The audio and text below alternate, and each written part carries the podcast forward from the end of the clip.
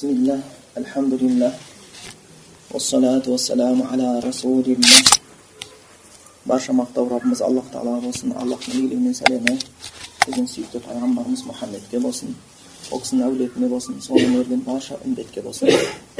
Şimdi Allah Ta'ala'nın bizge cerdem etümünün, Allah Ta'ala'sa, осы біз имам науаидің жинақтаған хадистердің ішінде жиырмасыншы хадиске келген екенбіз енді жиырмасыншы хадиске келіп қалыппыз бұл хадис жиырма хадис өзі аз хадис емес егер осыған дейінгі өткен нәрселеріміз иншалла көңілімізге қонып амалымызда көрініп жатқан болатын болса жалпы егер осы қырық хадисті егер аман есен аллахтың нәсіп етуіменен аяқтап жатқан болатын болсақ соны біліп жатқан болатын болсақ оған амал істеп жатқан болатын болсақ ол деген аз ілім емес та негізі оңай шаруа емес жалпы біз сабақтың басында айтып өткенбіз бұл хадистің жиналуының себебінің өзі енді мынау хадиске байланысты ә, келеді.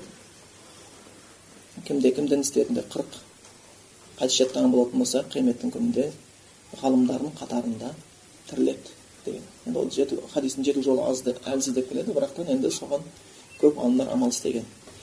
Жалпы ол қырық хадис өзі аз емес. Егер соны мысалға біз үйреніп оның мағынасын түсініп жатқан болатын болса өздеріңіз ойлаңыздаршы.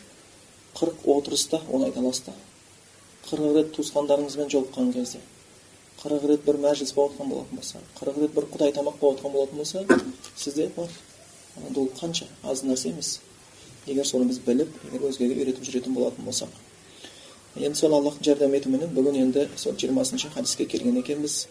Аллах тағала сол оқыған нәрселерімізге бізге иншалла пайдасын нәсіп етсін оған амал істеу нәсіп етсін айтушыларымызға да ықылас нәсіп етсін тыңдаушыларымызға да ықылас нәсіп еткен болсын біздің осы отырысымыз дүниеде бізге бақыт алып келіп ақыретте үлкен бір қуаныш алып келетін болсын осы бір ә, жердің өзі ертең қиямет күні бізге жақсылықпен куәлік беруін аллах тағала нәсіп етсін деп сұраймыз бұл енді жиырмасыншы хадис عن أبي مسعود ابن عمرو الأنصاري البدري رضي الله عنه дейді жаңағы масудтың әкесі оқба ибн әмір әл ансари әл бадри деген сахабадан бізге риуаят етілген екен ол кісі айтады қала қала расулуллахи саллаллаху алейхи вассалам аллахтың елшісі ол кісіге аллахтың игілігі мен сәлемі болсын былай деп айтты дейді.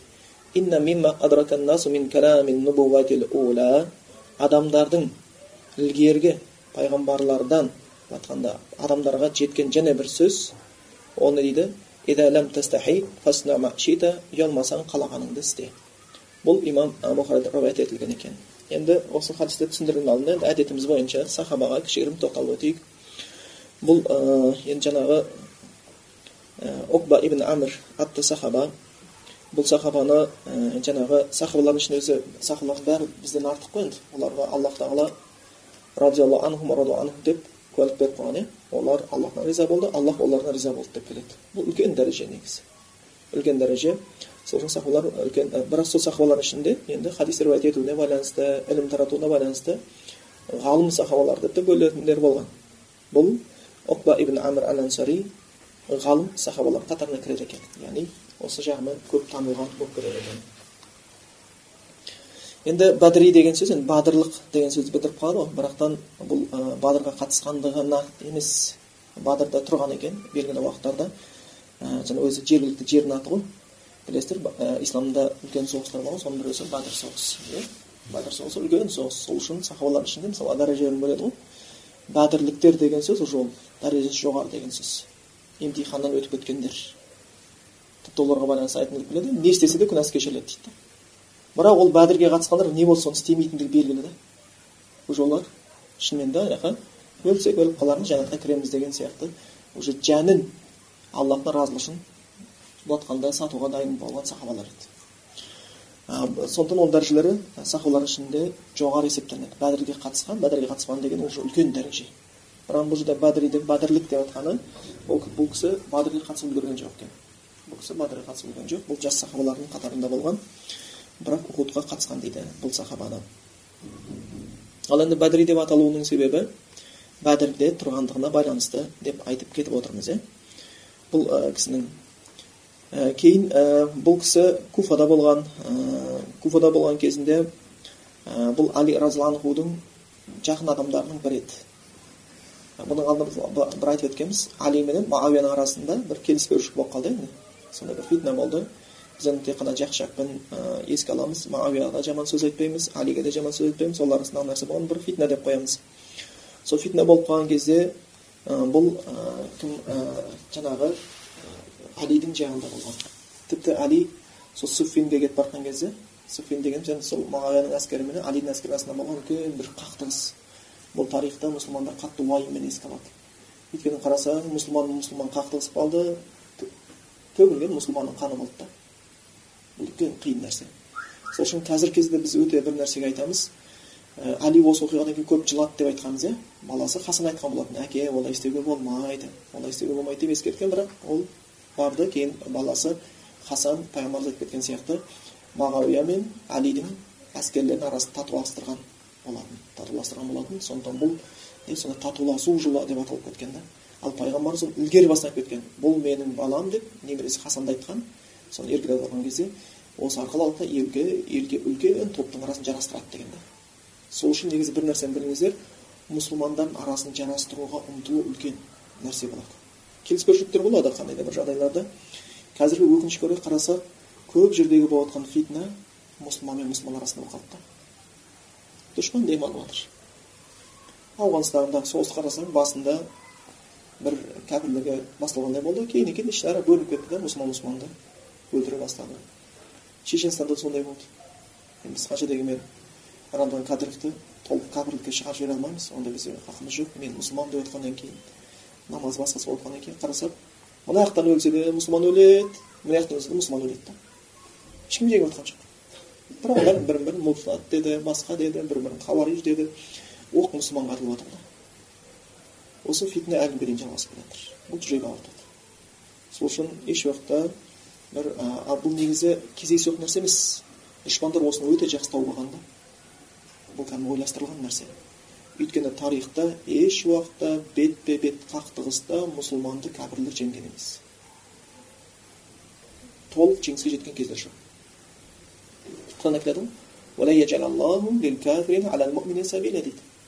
алла тағала кәпірлерге мұсылмандардың үстінен жеңіс берген емес дейді. Аят бар сондай бірақ енді дұшпандар соның үстемдігін білгеннен кейін көбінесе не істеген? Мұсылманды мұсылманға айдап салу бұлардың ең үлкен айласы қарасаң бір дауласып қырылысып жатқан нәрсені ең түбінде ойланып келсең түк емес болып шығады да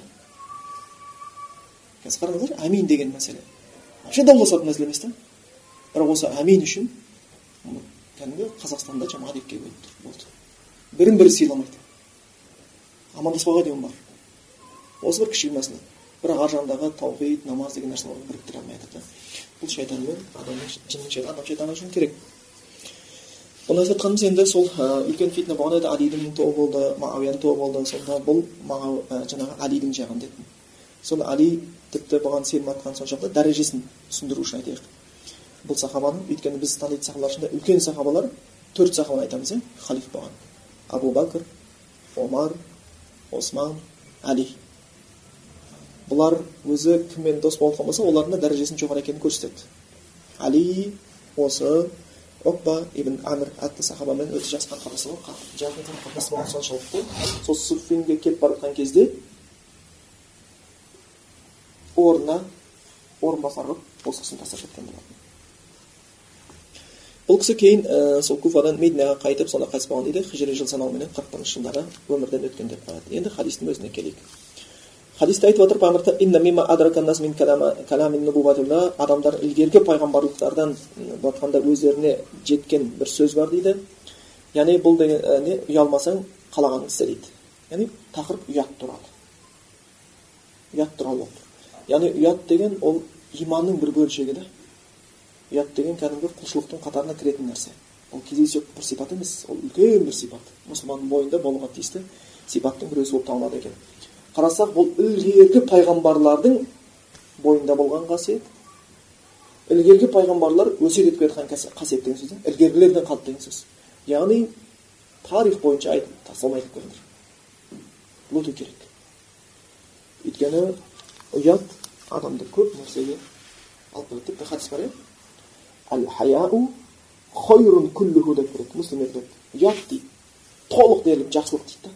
Тұрған бойы жақсылық дейді. Ұят деген тұрған бойы жақсылық деп табылады сол үшін өзі адам бойында ұяттың болғаны үлкен бір жақсы қасиет болып табылады екен. Енді мына хадисте осы сөзін былай екі түрлі түсінуге болады екен. Екі мағынада. Екеуі де дұрыс. Ғалымдар оны үйретеді ұялмасаң қалағаныңды істе. Бірінші мағынасы. Бұл не, ә, бірінші мағынасын алатын болсақ бір ескерту сияқты да. Болады бір түсінбейтін адамдар. Бас десе құлақ дейтін ше. Ет білгеніңді істеші деп қолыңды сілтеп кетіп қаласың ғой яғни уже сен адам болмайсың деген сияқты. Оңбайсың деген мағынада. Бір мағынасы. Ұялмасаң яғни ұятсыз болсаң бәрібір саған деген сөз ұятсыз ғой бәрібір. Деген мағына шығады бір несі енді оған ұқсас аяттар да келеді. Қалағаның істе дейді да құдай тағала ол күнә істей бер деген сөз емес. Жауап бересің деген сөз. Жарайды. Айтты саған шариғатта мына күнә күнә деп қоймадың істегің келіп істей бер жауап бересің яғни саған бұл ұят тірлік еді сен ұялмадың ұятсыздыққа бардың жарайды онда істей бер деген сияқты сол үшін біріншісіне ұялмасаң білгеніңді істе яғни бұл ұятсыздық ұятсызсың деген сөз ғой екінші мағынасы бар екінші мағынасы бұған мұқият болыңыздар бұл нәзіктеу ол да осы хадистен шығады яғни ұялмасаң қалаған істе деген сөз бір істі істейін деп жатқан кезде көкірегіңде ұят ештеңе байқамаса ол іс дұрыс деген сөз да бұрыс іс әрқашанда адам ұялады екен да түсіндіңіз ба дұрыс іс істеген кезде адам ұялмайды егер не деген сөз хадистен бір істі істейін деп жатрсың ода бір ұялып тұрған жоқ көкірегің қысылып тұрған жоқ онда істей бер деген сөз да онда ол тиім емес ол жақсы іс жаман іс емес деген сөз түсіндіңіздер ғой иә екінші мағынасын өйткені өзі жалпы адам фитрасына жаратылған кезде жаңағы біз бұны алда өттік қой адамды өте көркем күйде жаратқанбыз деп келеді фитрасына табиғатында негізі адам тазалық болады адам кейін оны орта өзгереді пікір өзгертеді адам жай жаман болып кетпейді егер адам дүниеге келгеннен кейін оған дұрыс нәрсені үйретіп дұрыс нәрсені ортада жүрген болатын болса ол негізі табиғаты дұрыс адам болады хадисте келген сияқты бала фитрасында туады иә таза күйінде туады дейді оны әке шешесі яхуди қылады болмаса насрани қылады басқа мәжуси қылады мұсылман қылады демейді өйткені мұсылмандыққа біздің уже фитрамызда жақындық болады да ал мұсылмандықтан қаша бастау деген сөз ол сен құр өзің емес вообще фитраң бұзылды деген сөз ғой түсіндіңіздер ғой мұсылманшылықты жек көре бастау құдайдың бұйрығын жек көре бастау уже ол адамның фитрасы бұзылып кетті деген сөз ол фитрасы бұзылған адамнан негізі былай айтқанда шариғатқа сәйкес сөз емес ақылға сәйкес сөзді күтудің қажеттілігі жоқ. Ол әрбір сөзді сөйлейді кітаптан алып сөйлесе алады болмаса өзінің пайдасы үшін сөйлейді не саясат үшін сөйлейді. Оның ар жағында бір керемет ақылды даналығы жатып тұрады өйткені фитрасы бұзылған. Енді бұны айтайын деп жатқан адамды аллах көркем күте жаратқан адам жаратқан кезде біздің мына ішкі сезімдеріміз датчик сияқты ғой. Мысалы айтайық қазір машинаға машина деген қазір көп болды ғой. Машина майы азайып кетсе көрсетеді датчик. Қызыл жанады майың азайып бара жатыр дейді. Бензин азайып кетсе қызыл жанады бензин азайып бара жатыр дейді. Осы нәрселер болады. Болмаса қатты айдап бара жатсаң уже стрелка қызылға барады сенің. Қатты скоростьта кетіп бара жатсың деген сияқты датчик. Ол машинаның сол артып кеткен кезін көрсете бастайды тура бізде сондай датчик бар да. Бір ыңғайсыз тірлік келген кезде іштей қысыла бастаймыз ей қойшы. Что то бір ұнамай тұр. Жүректің мазасы қашады. Уже сенің табиғатың сыбырлап жатыр. Ей бұл сөз сөйлеме. Бұл істі істеме деп саған уже не қылып белгі беріп жатыр да. Сонда да қоймай барған кезде машинаны мысалға қызыл жанғанда да тоқтамай айдай беретін болсаң машина бұзылады. Сонда да сен сол ішкі нәрсемен санаспай істей берсең де сенің фитраң бұзылады бітті фитраң бұзылады жалпы ұят ол әрқашан да сонда бұл хадис алатынымыз екіншісі ұятсыз болсаң білгеніңді істе деген сияқты. Бір істе ұялмай тұрсаң ол жақсы іс деген мағына екі мағынасы беріп тұр иә жалпы кішкене түсінік келді ма сіздерге? Енді енді ұяттың өзіне келейік. Ұятқа байланысты негізі құранда да көптеген ишараттар бар. Хадистерде де көптеген ишараттар бар. Пайғамбарымыз жеткен сахи хадистің бірінде етіледі ғой. Не деп айтатын еді? Әл иману иман дегеніміз жетпістен астам бір тармақ дейді бір бұта сияқты яғни иман деген ол көп нәрсе болмаса ситтун болмаса алпыстан аса иманның ең абзалы болмаса бір енді ең жоғарғысы дейді қаулу ла иляха илlalloh аллахтан өзге сыйынуға лайықты тәңір жоқ деген сөз ең жоғарғысы бұл кәміл иман ең күштісі ең төмені иманның көрсін ең төмені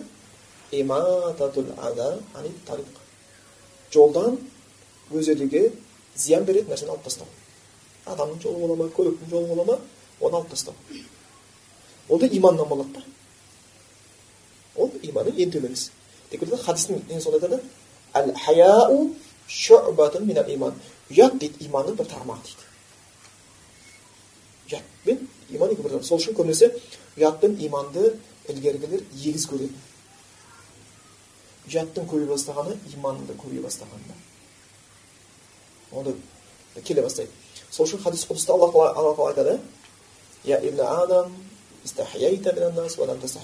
адам баласы адамдардан ұялып жүрсің менен ұят қайда дейді өзі ұят ұялу әртүрлі болады адамның аллахтан ұялуы адамның адамнан ұялуы адамның өзінен ұялуы осындай үш түрлі аллахтан ұялу үлкен ұят ең керек нәрсесі болып табылады намаз оқымаған адам былай тұрсын намаз оқып жүрген мұсылмандар пайғамбар айтады ғой егер дейді сен дейді құдайдың өзіңе берген жақсылықтардың бәрін бір оны еске ала алмаймыз санап шыға алмаймыз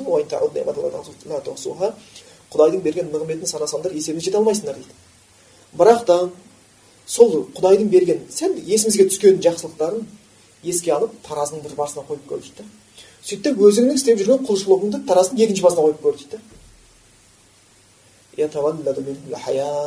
жүрегіңнен ұят пайда болады дейді да құдайға құлшылық істеп жатырмын айтуға ұялып қаласың дейді. Бұл аллахтың кеңшілігі екен ғой.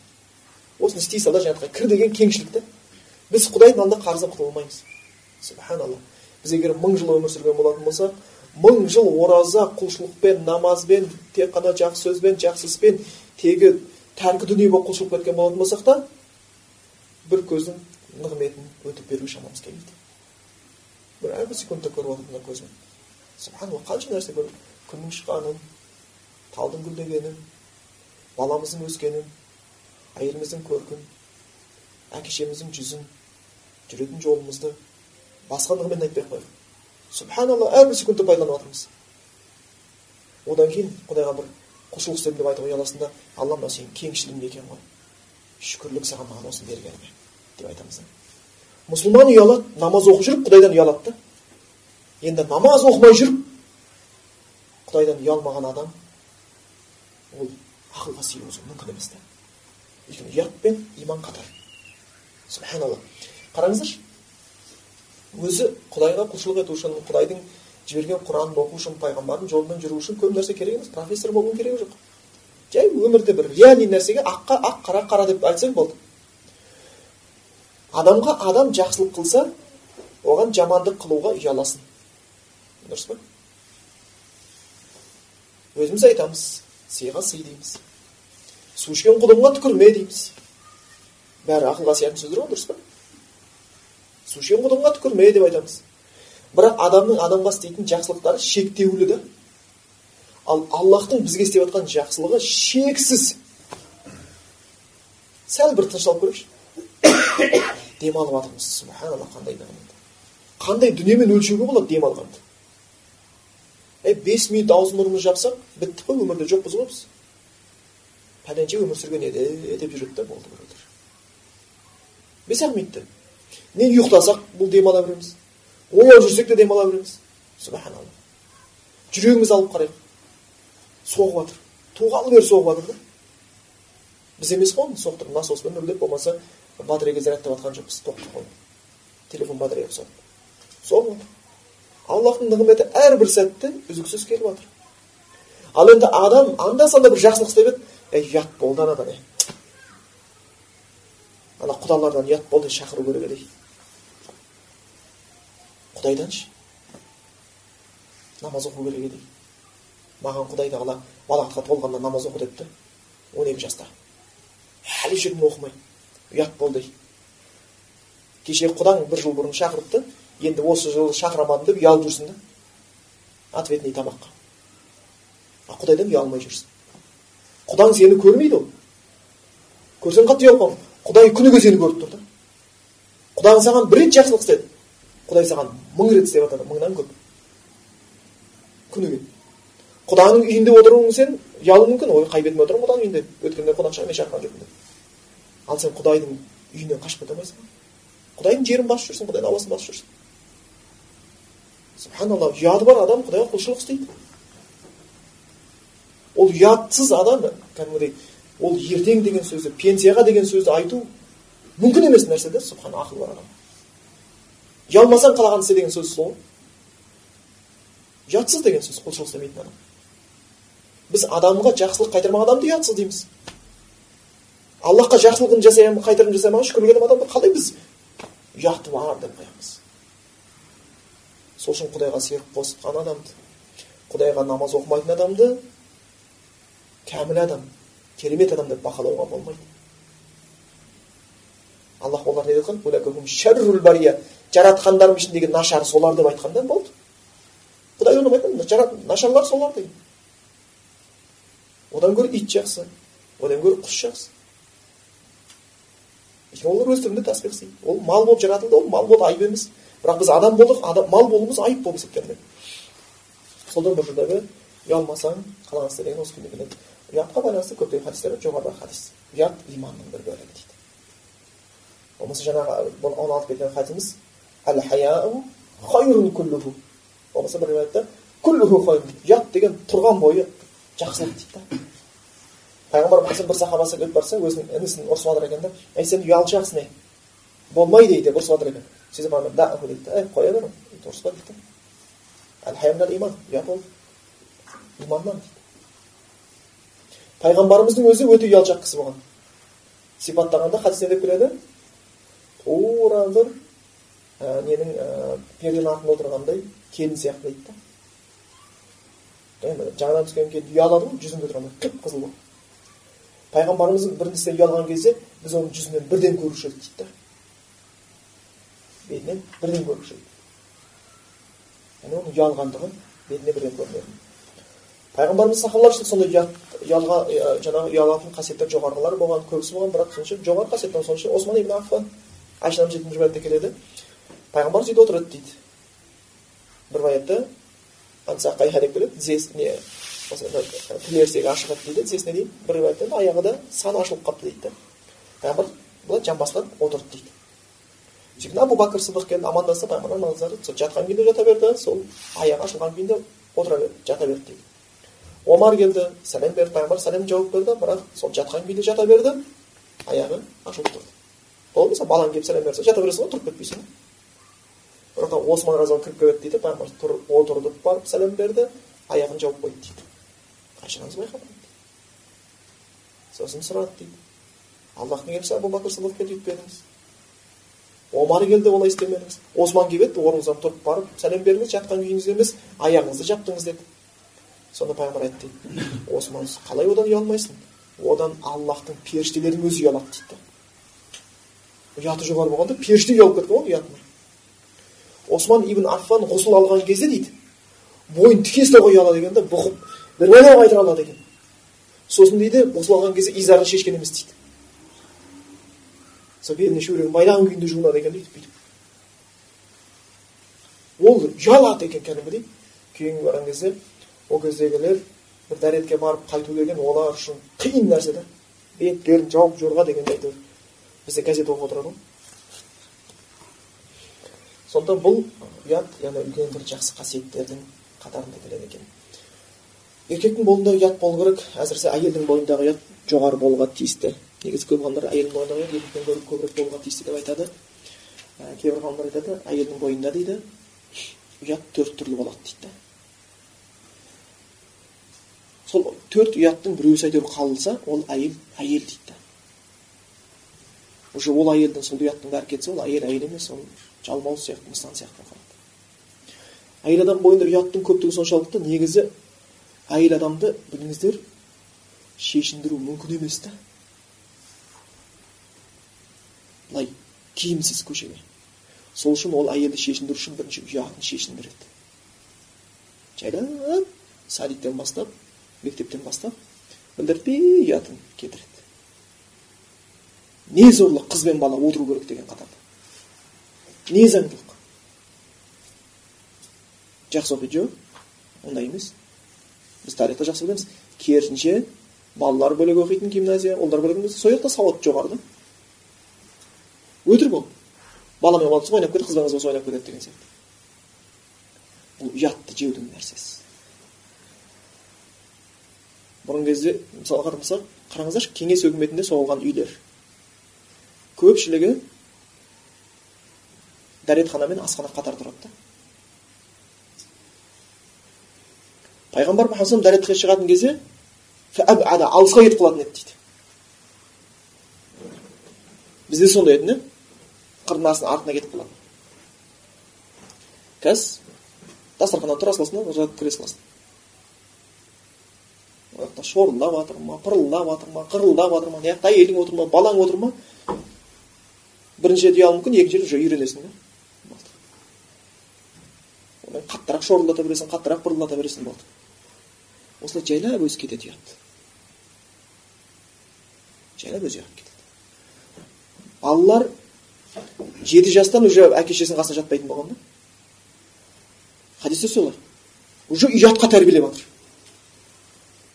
балаларға балаға толғаннан бастап әке шешесі отырған кезде кіретін кезде жаңағы үш мезгіл үш мезгіл бар ғой рұқсат сұрайды жатағы кезіндегісі деген сияқты таң намазынан кейінгісі ол кезде түскі уақыт демалатын деген сияқты.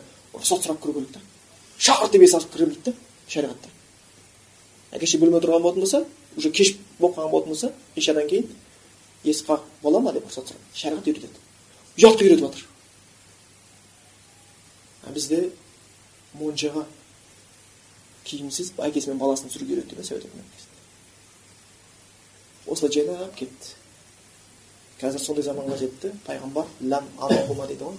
Екі топ синфан мен тозаққа түседі екі топ мен оларды көрген жоқпын дейді соның біреусі касиятын ариятын киінген жалаңаш әйелдер дейді пайғамбар көрмеген дейді ондай нәрсе бірақ сондай әйелдер болды тозаққа түседі біз көріп отырмыз дым қалған жоқ дым қалған жоқ субханалла теріс айналып түскен бүкіл көзқарас қазір сол әйелдер киінуге ұялады да күйеуі айтса барамын ұят қой масқара ғой дейді қай мен жұмысқа қалай барамын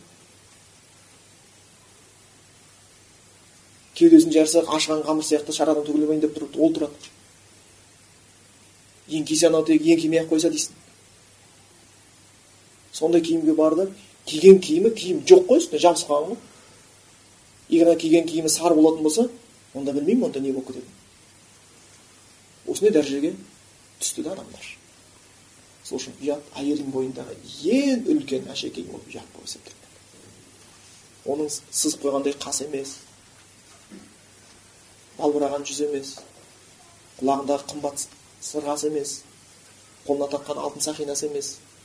Мойнындағы моншағы емес бірінші ұят көркем дейді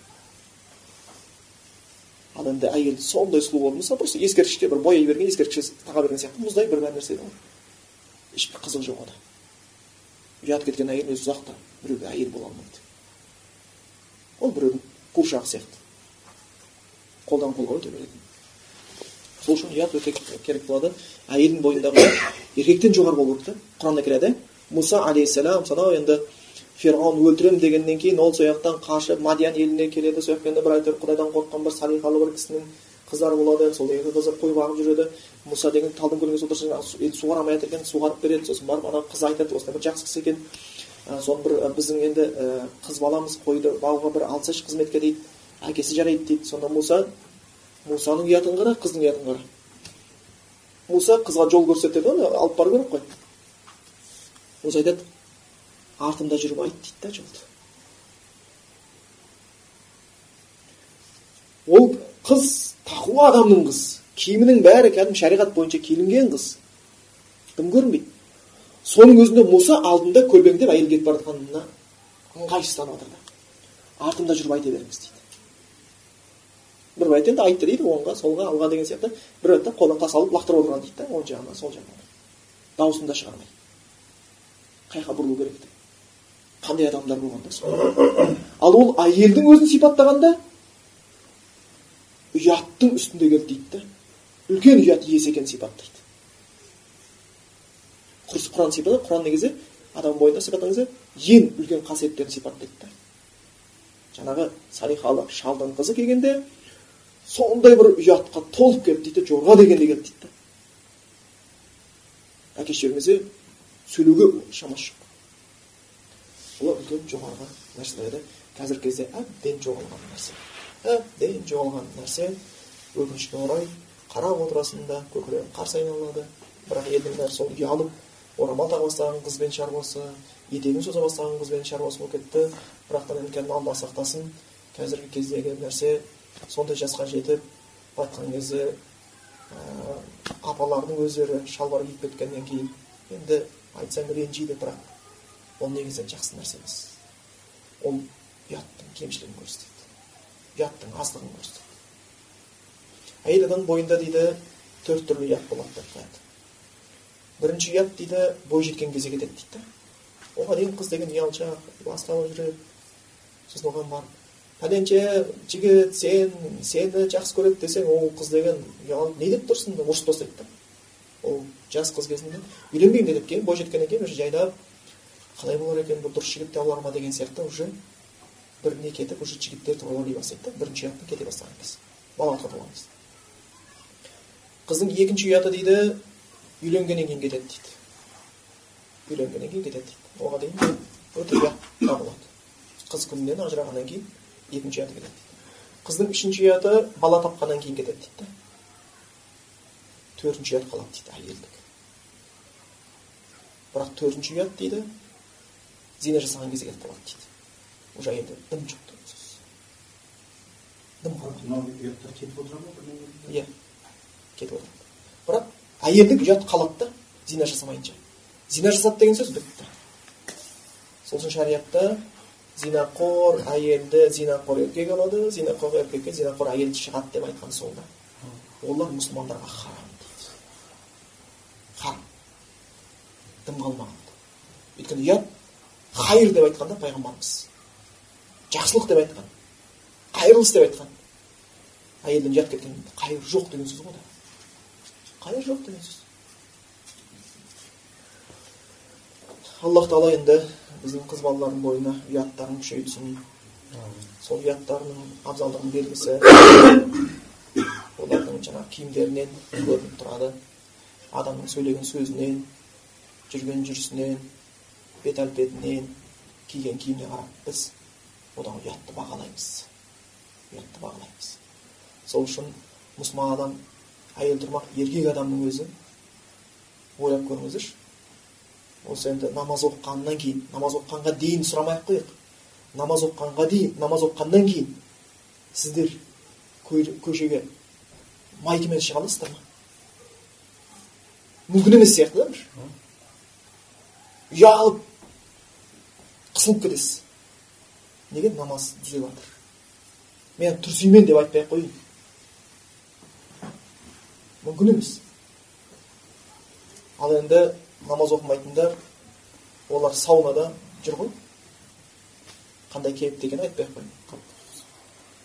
Қалай олар бір біріне қалап жүргендерін сондықтан бұл ұят жайында айтқан екен. Ұят енді бұл айтсақ оның мағынасы өзі тереңде көпте өте қажетті нәрсе. Аллах тағала айтыр біздерге сол нәрсені айтып берсін өзі шын ұят дегеніміз адамды жаман істен тосып жақсы іске қарай итеретін қасиет дейді. Кейбіреулер ғалымдар ұятты екіге бөліп қояды иманнан болған ұят әлсіздіктен болған ұят деп көреді иманнан болған ұят ол жақсылық алып келеді тек қана тұрған бойы жақсылық әлсіздіктен дегеніміз бір жерде отырасың да ақиқатты айтуға ұялып қаласың жамандықтан тыюға ұялып қаласың деген сияқты бұл жақсы ұят емес ол жақсы ұятқа кірмейді ол әлсіздіктің ұяты дейді ал жоқ біздің айтып жатқан нәрсеміз бар иманның ұяты иман иманнан болған ұят сол жайында айтып өткен болатын еді сол үшін бұл бекерден бекер не ілгергілер пайғамбарлардан адамдарға жеткен сөз деп жатыр да сол кезден бері әспеттелген сол кезден бері құрметтелген үлкен қасиеттің біреусі ұят екен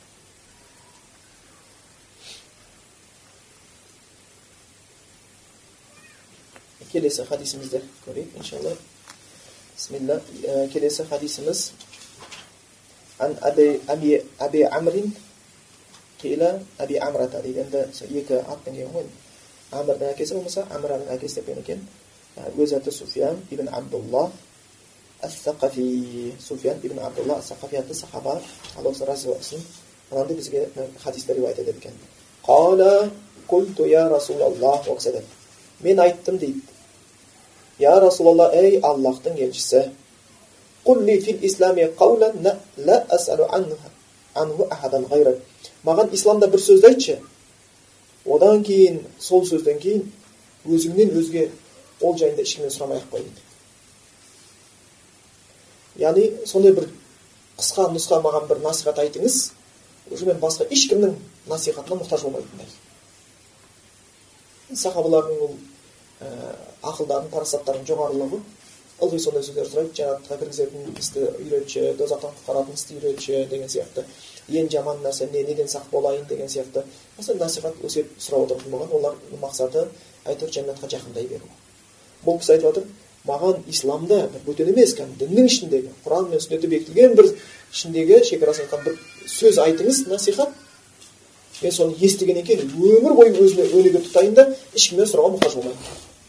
Мен пайғамбарға өсиет айтып едім әлі жетпей жатыр түзелуіме тағы да бір сөз айтып жібермеші біреу не қылмайын деген сияқты пайғамбар қысқа нұсқа бір насихат берді айтты пайғамбар қала құл айт деді аманту биллах иман келтірдім аллахқа деп айт сумма кейін истақим мықты бол дінде тұрақты бол дейді бұл хадисте имам муслим риуаят еткен екен енді осы хадиске кірісердің алдында жаңағы суфян ибн абдуллах сахаби атты сахаба жайында бір не қылып кетейік бұл кісіден бір өзі бас аяғы бес хадис риуаят етілген деп қояды бұл кісі жаңағы жоғарыдағы ұқба ибн әмірді али разиаллаху құрметтеген болатын болса суфиян ибн абдуллахты бұл омар разиаллаху қатты құрметтеген екен өзінің халифалығы тұсында таифтағы жаңағыдай зекет мәселесі басқаны жинауды осы кісіге сеніп тапсырған яғни өте сенімді жұмыстарға тапсырған да сол күйінде ә, болған екен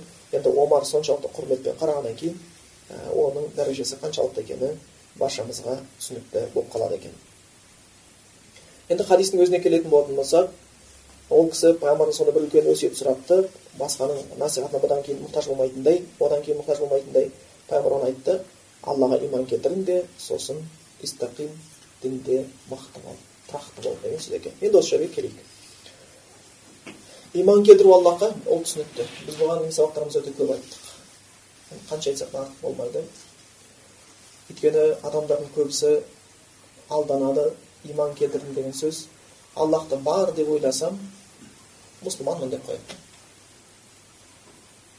жоқ қатты қателеседі өйткені аллахты бар деп айтушылардың ішінде құран аятымен қарасақ хадис аятымен қарасақ кәпірлер бар христиандар құран аяты бойынша не делінген кәпір делінген құран аяты бойынша олар адасқан деген тозаққа түсетін айтылған яхудилер құран аяты бойынша мағдуб аллахтың қаһарына ұшыраған халық делінген олар тозаққа түсетін яғни құран аяты бойынша ібліс лағнеттелген бірақ осы христианыңда құдай бар дейді яхудиіңде құдай бар дейді ібліс шайтанда құдай бар дейді неге онда мұсылман емес осы жерден жақсы білу керек е құдайға сенеміз ғой бізде жақсы олар ештеңе шешпейді қалай сенесің қалай сенесің аллахқа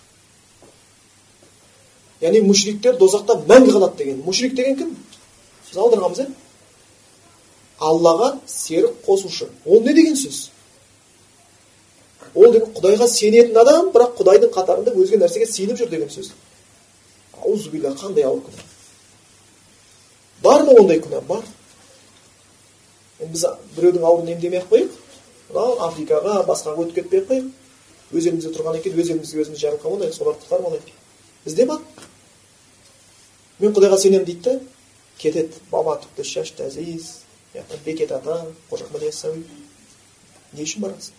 Сұрайын деп едім тілейін деп едім. Ол үлкен күнә. Баласы тоқтата ойбай болмайды. Жоқ билет алып қойдық. Ой түсімізге көрдік. Пәленше айтты. Кім айтты? Түгенше айтты. Құдай не айтты деп сұрамайды да ешқайсысы. Адамдардың ақылы сондай баттасқан. Надандықтың үстіне надандық өткен.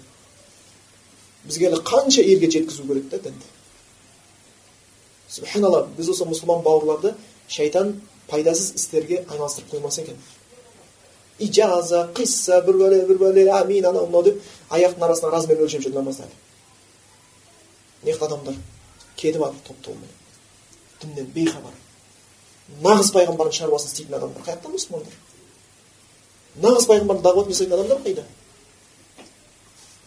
кім елге барып айтады кім елге барып жеткізеді өзіміздің ел ғой біреу жаны ашиды ма қазаққа ертең фаузан келеді ма абу аббат келе ма біз өзіміз өз өзімізге жаны ашымаған сондықтан осы жерде үлкен күнә күнә ол аллахқа серік қосу сондықтан біреу құдай бар деген әлі ол мұсылманшылық емес ондай болса құран қалай христиандарды кафір дейді олар құдай бар дейді ғой қалай христиан адасқан дейді неге құран яхудилерді қаһарға ұшыраған дейді. Олар құдай бар дейді ғой? Неге құранда шайтанды ражим дейді? Кәдімгі аллахтан қуылған лағнетке ұшыраған ол құдай бар дейді ғой. Сөйтсе құдай бар деген шешпейді екен. Құдай бар деген құдайға хақысын білу керек. Аллахтан өзге нәрсеге сыйынбау. Енді осы хадистің жалғасы оны түсіндіреді. Аллахқа иман келтірдім дегеннен кейін яғни дінге кіргеннен кейін дінді дұрыста деген сөз да қалай болса солай емес дінді дұрыстауға тырыс деген сөз. Дінді ойын қылма деген сөз. Жаңа аятта мұсылман имандар иман келтіргендер дінге толық кіріңдер дейді. Да шайтан шайтанның салған жолдарына түсіп кетпеңдер дейді. Шайтан біреуді палшыға кетіп бара жатыр ойбай керемет екен айтқан не қылады екен мықты екен субханалла мұсылман болып жүріп ванганы мақтайтындар бар да ой ол мықты ол енді әулиеден бір ғой ол енді ол тегін емес бір құйына да сосын барып көз соғыр болып қалыпты сосын қанша адамды емдеді ол қанша адамды жазды деді мұсылман деп қойды ванганы мақтап жүр а бірақ сіздер білесіздер ма бүкіл россияның поптары епископтары жиналып вангаға қандай шешім шығарды кәдімгі келіп олар қоймады ғой. Ванганы әулиелердің қатарына қосайық деп. Өзі сондай тәртіп бар екен әулиелердің қағидасы бар да. Әулиенің қатарына кіру үшін өзінің көп. Бір несі болу керек мұғжизасы болу керек тағы бірдеңесі болу керек деген сияқты. Бұның мұғжизасы бар деген сияқты. Анауысы бар мынауысы бар кереметі бар деген сияқты. Сондай ойменен ванганы кіргізейік деп ел деген қаптап кеткен сұрайды сол мұсылман емес. Поптар мен епископтар мен сол газетті апарып сақтап қойып едім үйге. Не деді жоқ біз оны кіргізе алмаймыз деді ол өйткені біз қарап шықсақ библия бойынша ол әйел әулиенің қатарына кірмейді екен ол ведьмалардың қатарына кіреді екен дейді ведьма білесіздер ма мыстан ел әулие деп ол мыстандардың қатарына кіреді екен біз қарасақ дейді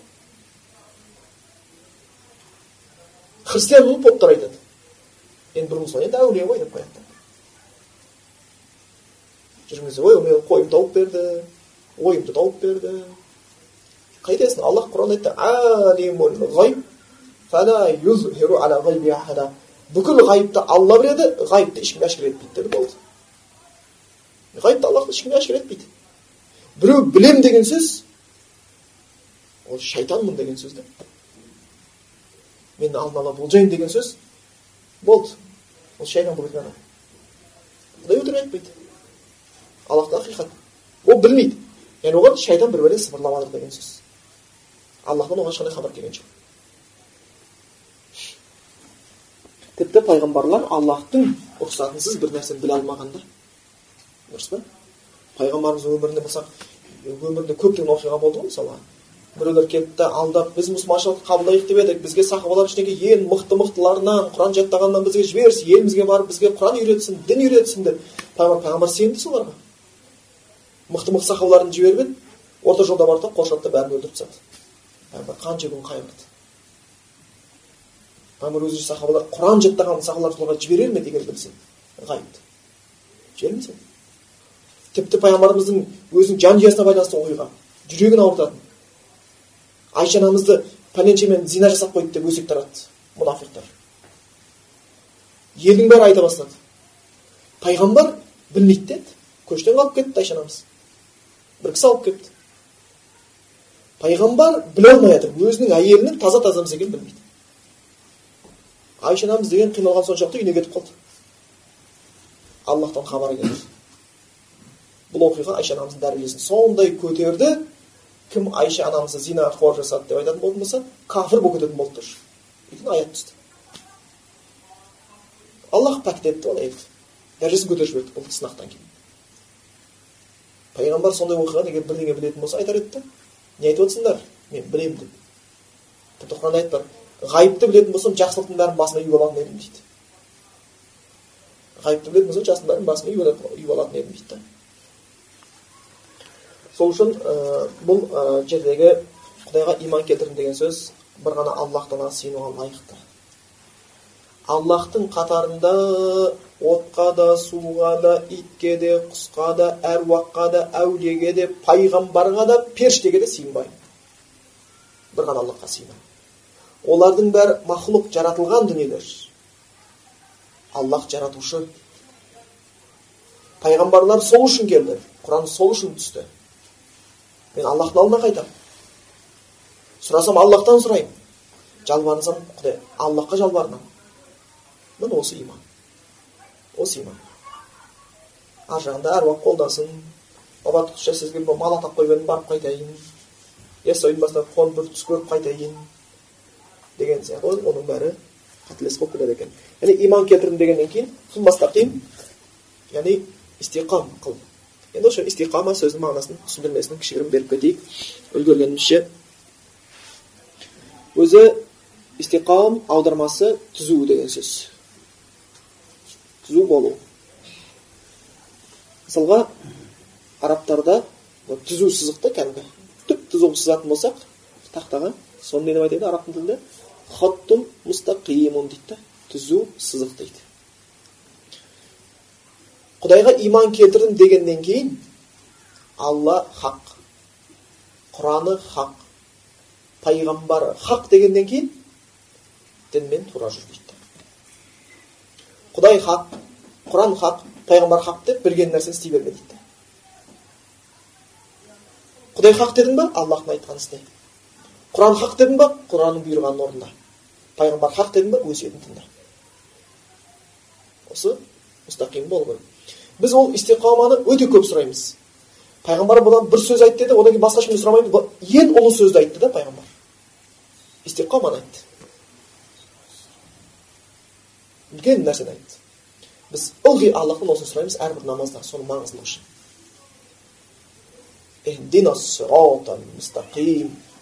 мұстақим жолмен бізді жүргіз түп түзу жолмен бізді жүргіз деп аллахтан сұраймыз енді осы истиқаманы сахабалар қалай түсіндірді дейді өйткені бір нәрсені біз жиі айтамыз бірақ қайталап қою артық болмайды біз мұсылмандар өзі әхлі сүнна уал жамаат деген сөз қандай жамаат олар дін ұстанымында өзіне құранды сүннетті басшылыққа алады осымен болды ма жоқ және сол құран мен сүннетті пайғамбар түсіндіргендей түсінуге тырысады және сахабалар түсінгендей түсінуге тырысады түсіндіңіздер ғой әйтпесе әхлі сүннаға жанаспайтын басқа қауымдарда біз құран сүннетпен жүреміз деп айта береді шииттер айтады біз құран сүннетпен жүреміз сопылар үшін шектен шыққандар айтады біз де құран сүннетпен жүреміз әрбір топ кәдімгі ақиқаттан айнып кеткен. Біз құранмен сүннетпен жүреміз дейді. Дәлел келтіреді. Сопылар бас шайқағаннан кезде құраннан дәлел келтірді ғой неге сен бас шайқап зікір қыласың дейді? Ла илаха иллалла деп дударба чахадарба деп өздерінде нелер бар? Двухударный зикр четырехударный зикр дейді. Двухударныйды басын былай екі рет шайқайды. Ху ху хай хай деп четырехударныйды төрт жаққа шайқайды басын осылай ей ол неге өйтіп істейсің ондай зікір десең саған құран аятын алып келеді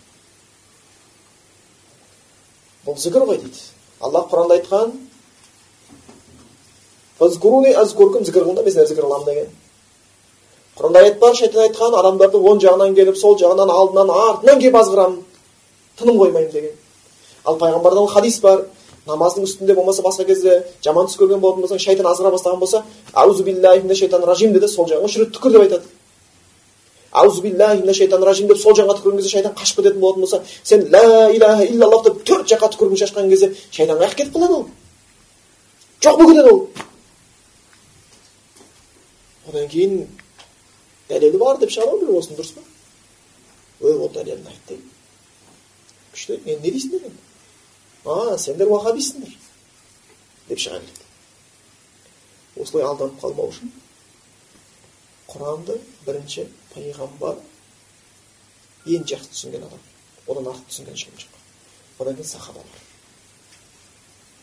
екеуі пайғамбарымыздан шәкірт болған адамдар осындай аяттар келген кезде біз қараймыз субханалла пайғамбар қай кезде аллахқа зікір ет кезде басын шайқап зікір қылыпты сахабалар қай кезде бастарын шайқап зікір қылыпты? Ол емес. Тәпсір ол дұрыс емес. Түсіндіңіздер ғой? Сонда бізге әрқашан басшы қалатын нәрсеміз құран сүннет және сол бізге қалай түсіндірілген? Сахабалар олардың тәпсірі сахабалардың хадиске берген шарқы ең үлкен шарқы өзі құранда да келеді истиқамат мәселесі.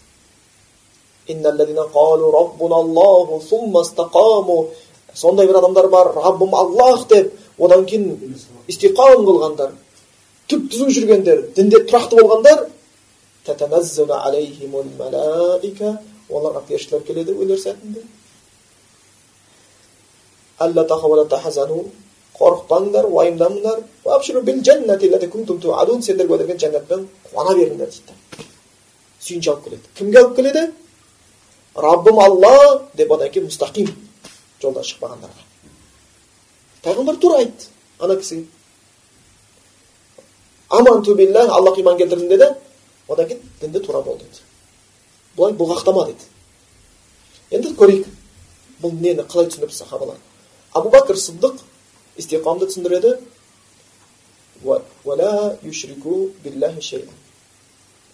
Мұстақим болғандар олар құдайға еш уақытта серік қоспағандар. Және бір аятта келеді. Аллахтан бөлек ешбір жалған тәңірге бет бұрмағандар дейді не таухидпен өткендер бірінші истиқама не екен онда құдайға серік қоспа деген сөз болмаса абдулла ибн аббастан бұған түсіндірме келеді истиқаму адай фараидиллах дейді аллахтың парыздарын орындауда тұрақты болғандар дейді бұл екіншісі ол да сол құдай бізге бір нәрсені халал етті харам етті соны бес уақыт намазды парыз етті орындауға тырысамыз болмаса абил алия атты кісіден келеді ол кісі айтады истиқама дегеніміз дейді ол дейді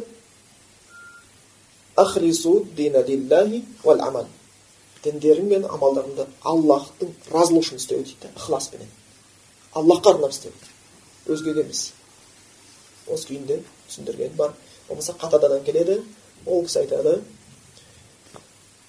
истиқама дегеніміз ол дегеніміз дейді аллахтың құлшылықтарында мықты болу намаздың уақытысына оразаның мезгіліне зекеттің есебіне осыған ықтият беру осы истиқам деп бұл өте керекті бір нәрселердің бірі болып табылады екен. Сол үшін Э, жаңағы э, құранда да осы истихамға байланысты көптеген аяттар келген. Э, біз оған қосынша истихам болу үшін жаңа қосымша нәрселер айтып кеткіміз келеді. Оның біреусі аллах пен елшісіне бойсыну ол истиқам өйткені біз ылғи аллахтан сұраймыз ә? иә алла бізді мұстақим жолмен жүргіз. Ол сондай жол ол жолда сен нығметке бөлендің бөледің бір құлдарың дейді. Кім олар? Келеді құран аятында басқа аяттарында тәпсірінде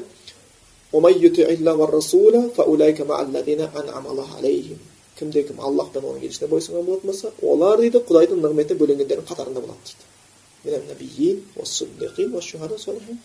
Олар пайғамбарлар шыншылдар шахидтер ізгілер. Яғни аллах пен елшісіне бойсыну иә құдай тағала бізге намазды парыз деді ғой. Деп оқыған жоқ. Бойсынды ма бойсынған жоқ па? Бойсынған жоқ. Ол айтты просто. Аузымен е мұсылмандар осы рамазанда ораза ұстайды екен ғой. Мұсылманшылар біздер мұсылманбыз соны құрметтейміз соған айтып жетеміз иә ол мұсылманшылықты жақсы көріп жатыр. Ниетіне жақсылық берсін. Бірақ өзі ораза тұтқан жоқ. Бойсұнды ма бойсұнған жоқ па? Бойсұнған жоқ. Істислам қылған жоқ аллах тағала. Сол үшін бұл жердегі кәдімгі истиқам керек аллах айтты орындалып қазір ол біздің мың молдаға да сылтау табатын адамдар табылады. Дұрыс қой молдаке бәрі жақсы бірақ мынау жастар өзі намазға келгелі бері осы жерде өзі адам сыйламай ма? Бәле мұсылмандардың ішінде бөлінеді екен ғой. Шиит дей ма суннит дей ма? Ана жақта бір мұсылмандар соғыс болып мен телевизордан қарап отырмын біреу қолына гранатом тауып аллаху акбар деп атып жібереді. Ана біреу жарып жіберді мұсылмандық деген осылай бола ма екен? Ана бүйтіп жатыр сөйтіп жатыр мына мұсылмандар деген қырылып жатыр жақсы болатын болса олар неге соғысады? Анау ол айтыла береді дұрыс па ол айтыла береді бірақ о дүниеге барған кезде ол сол сөз айтқан адам құтылып кетпейді дін ұстанбайынша ол сылтау етін бар оған ол сылтау етін ол ертең өмір өткен кезде оның ешқайсысы оны құтқармайды тура сол сияқты біреуге намаз оқудан тия бастаса біз мұсылманбыз мұсылманшылыққа қарсылығымыз жоқ исламда бар бірақ та біздің қазір заман деген бөлек ол деген осындай бар намаз оқуға болмайды үйтпей үйтпейді айттың ба болды айттың саясат үшін айттың ба басқа үшін айттың ба біздің шаруамыз жоқ құдай тағала жауап береді болды өйткені құдайдың заңын талқылап жатыр құдайдың заңын талқылап жатыр қандай жүректілік надан адамның жүректілігі ғой ертең аллахтың алдында ол заңмен өзіне жауап береді неге түседі екен енді сол үшін бұл жердегі истиқам дегеніміз құл деген сияқты иман келтірдім дегеннен кейін мұстақим жолмен жүр дейді сөзімізді енді осы тиянақтай келіп айтайық бұған байланысты көптеген аяттар бар егер ол кімде кім аллах иман келтіргеннен кейін истиқама жасайтын болатын болса дінде тұрақтылық жасайтын болатын болса оған дүниенің өзіне жақсылық келе бастайды өлер кезінде жақсылық келе бастайды өлгеннен кейін де жақсылық келеді. Өзіне жақсылық алып кетеді ол адам бүкіл нәрсесінде. Дүниеде оған хаятан тыйиба деп келеді ғой. Көркем өмір беріледі. Жақсы. Өлер кезде жаңағы жоғарыда айтқан аятымызда келген сияқты сондай бір раббым аллах деп одан кейін дінінен өлгенше дінін тастамай құлшылығын жасап таухидын ұстанып өткен адам болатын болатын болса дейді өлердің кезде оған періштелер түседі жанатын кезде құр жәнін алмайды сүйінші алып келеді қорықпа уайымдама. Жәннатпен сүйіншілейміз. Осы жерде ғалымдар түсіндіреді тәпсірінде. Қорықпа дегені алдындағы нәрседен қорықпа дейді да. Жәннат деп жатыр да болды. Уайымдама артта қалғандарға дейді да бала шағаны бұл білсеңіздер өлген адамға бұдан артық сөз жоқ та негізі. Өйткені тірі жүрген адамдар уайымдап жатыр ғой бала шағасы не болады деп. Тірі жүргендер. Дұрыс па? Ал сондықтан шыныменде ғалымдар айтады қайсы бір әке бала шағасына шын жақсылық істегісі келетін болса дінге мықты болсын дейді. Дінде мықты болсын дейді. Аллахтың дініне мықты болмаған ешбір әке баласына жақсылық істеп жатыр деп ойламай ақ қойыңыздар. Ол уақытша бірдеңе үйретіп жатыр болды. Сол үшін пайғамбарлар дұғаларында бала шағасын өте көп қосады. Қосқанда не деп қосады? Е аллах тағала менің балам бастық болып кетсінші менің балам деген ен, елдің арасындағы білімдісі болсыншы менің балам бір керемет үй соқсыншы менің балам мінген аты әрқашан озып отырсыншы деп дұға қылды ма? Жоқ. Құранды қарайықшы олардың дұғасы алла мені және менің бала шағамды өзіңнен өзге нәрсеге сиынып кеткеннен сақта ширктен сақта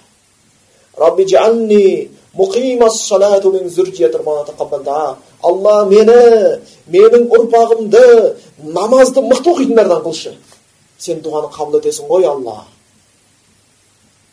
дейді әрқашан сонда шынымен де бұл бірінші үйренетін нәрсеміз осы болу керек та әрқашанда. Өзімізде болу керек осы истиқам и өзгеге беруіміз керек. Өзімізде истиқам болатын болсақ оның жақсылығы біздің бала шағамызға өте бастайды. Қазақта мақал бар.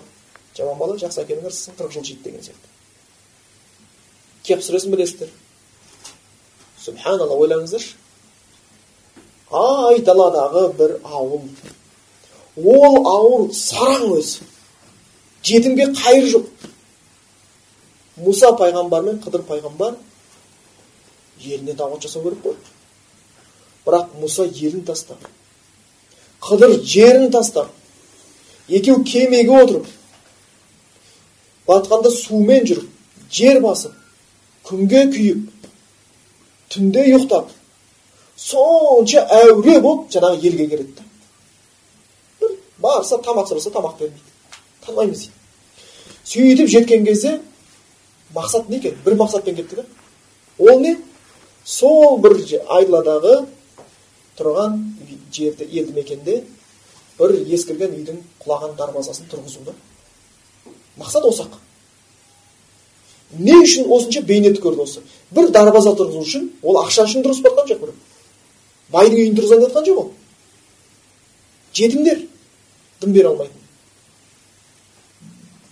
Ауыл ол жетімге көмектеспей жатыр бұлар сонау мұса деген пайғамбар келді қыдыр деген пайғамбар келді тұрғызды не үшін деген сұраққа бір ақ сұраққа жауап берді